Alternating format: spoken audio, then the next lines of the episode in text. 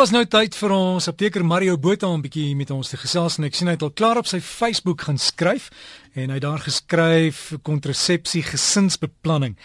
Hallo Mario. Hallo Derek, lekker om met jou te gesels. Ja, dis 'n ding hierdie Mario wat mense nie baie oor gesels nie, hulle wil nie. Ons doen nie en ons doen ook nie in die apteek regtig daaroor nie. Die dames kom baie keer skaam skaam in die apteek en vra net vir hulle pil en hulle noem dit nie eens by die naam nie en dan draai hulle om en hulle loop weg. So ons praat nie regtig daaroor nie. Maar Mario, dis dis so belangrik, jy weet ons ons bly in 'n wêreld waar daar amper te veel mense is, maar ook uit 'n keuse uit mense sê maar weet ons kan na twee of drie kinders kyk, kom ons kom ons beplan dit en en hou daarby. Maar dan kry jy nou dan 'n glipsie dan werk jy goed nie, né? Dit is so en ons ons moet kyk oor hoekom hierdie goed baie keer nie werk nie. En is dit baie keer dat ons vergeet om dit te gebruik of is dit baie keer omdat ons dit saam met ander dinge gebruik? So, maar kom ons kyk gou 'n bietjie na van die verskillende metodes. Nou jy kry hormonale kontrasepsie of die kombinasie voorbehoedpil. Dit is maar die die tablet wat dames maandeliks by die apteek kom haal en elke dag dan nou drink en hopelik nie vergeet om te drink nie. En dit versteur net so bietjie van die hormonale vlak in die liggaam en dan help dit baie keer met dit beïnvloed ovulasie. Dit is waar die eierselletjie uitgeskei word by die eierstok, so dit beïnvloed of daardie um, weet metode of dit verhoed dan dat inplanting van die eiersel in die baarmoeder plaasvind. So dit is die een middel. Die ander middel is dan skanstegnieke of hulpmiddels. Nou 'n skanstegniek is 'n baie mooi woord vir eintlik net kondoom gebruik. En dis weer gewoonlik by die manlike gedeeltes waar kondome gebruik word, maar interessant, daar is ook vroulike kondome beskikbaar. En wat hierdie middel doen is, dit verhoed dat 'n eiersel dat 'n sperm die eier sal bereik. So dit is die een middel. Die ander is dan ons natuurlike middels. En natuurlike middels hier praat ek eintlik maar meer net daarvan om te weerhou van seksuele dade en dan van penetrasie.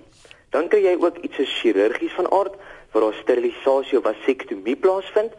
En baie van hierdie middels is dan omkeerbaar en as ons later weer wil swanger word, dan kan hierdie weer gebeur. Dan kry jy ook iets soos die intrauteriene apparaat en dit is 'n klein metaalagtige struktuurtjie wat in die baarmoeder ingeplant word en dit veroorsaak dat die baarmoeder nie vriendelik is vir inplanting nie. En dan kry jy ook die depo-inspuitings en dit verhoed ook dat die baarmoeder nie gunstig is vir inplanting van die bevrugte eiersel nie. So ons baie tegnieke en ons moet kyk wat vir ons die beste werk. En Mario daar is hierdie kan ek dit amper sê kontrak in tussen tussen paartjies mans en vrouens die verantwoordelikheid lê maar altyd by die vrou. Absoluut. Kyk, hmm. hierdie moet ons kyk wat is die belangrikste ding. Dit is maar gewoonlik paartjie spesifiek of persoon spesifiek. En ons moet kyk wat werk vir ons as paartjie. Is dit die verhouding daarvan of is dit kondome gebruik? Is dit dan hierdie tablette of is dit inspuitings? So dis nogal belangrik om te sien wat vir ons in ons huwelik of in ons verhouding werk en wat ons moet gebruik of nie moet gebruik nie. Ja, Marie, want hoekom ek dit vra is daar daar is hierdie ding van die mans neem aan dit is die vrou se verantwoordelikheid. Dit is asof hulle wegstaan en sê maar ek het niks verkeerd gedoen nie. Dis baie waar en en in ons land is daar regtig hierdie oorpopulasie wat plaasvind. En dit is omdat mense of in oningelig is of omdat net een van die partye hierdie besluit neem. En dit is regtig ook ons man se verantwoordelikheid om te sê, maar ek wil nie nog 'n kind hê nie of ek wil nie my gesin moet te groot raak en ek kan nie sorg vir hulle nie. So dit is belangrik dat beide partye hieroor moet praat. En as dit moet, sit dit dan op 'n kontrak as jy wil. Skryf dit neer. Noem die stellings, noem dit op swart en wit wat vir jou goed is en wat vir jou sleg is en hoekom jy van hierdie middels nie wil gebruik nie of omdat jy hoekom jy van hierdie middels moet gebruik. So ons moet regtig hieroor praat met mekaar. En as jy te skaam is om met jou maat hieroor te praat, praat dan met jou apteker of jou dokter of jou dominee of 'n suster of 'n vriendin hieroor en sê help my.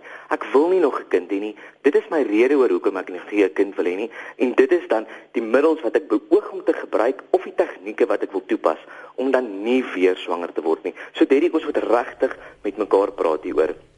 Maar middels op die mark. Ons moet dit net gou vinnig noem. Ja. Wat in die doeltreffendheid van die pil verminder en is baie interessant. So ons dames kom in die apteek in, vra dan vir hulle voorskrifpil, maar dan sien ons ook dokter het nou antibiotika voorgeskryf of iets wat help want sy dalk 'n snotneusie of 'n hoesie of 'n ding en dan is dit waar hierdie goed gevaarlik raak. So dames, let op wanneer jy iets soos antibiotikas voorgeskryf word dit verlaag die effektiwiteit van hierdie pil en moet regtig met sorg gebruik word.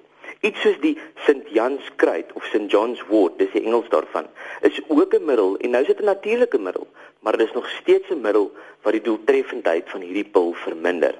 Iets soos teensuurmiddels, baie van ons dames kry soeibrand en hulle besluit hulle drink goue teensuurmiddel in die oggend. Hierdie teensuurmiddel verlaag ook die effektiwiteit van die pil en die enigste rede is dit verlaag die opname van die pil uit die gastro-intestinale baan uit en dit is dan 'n groot rooi lig wanneer ons dan 'n pil saam met 'n teensuurmiddel gebruik. En dan ook middels wat HIV vigs behandel. Dit is ook middels wat die effektiwiteit van die pil verminder.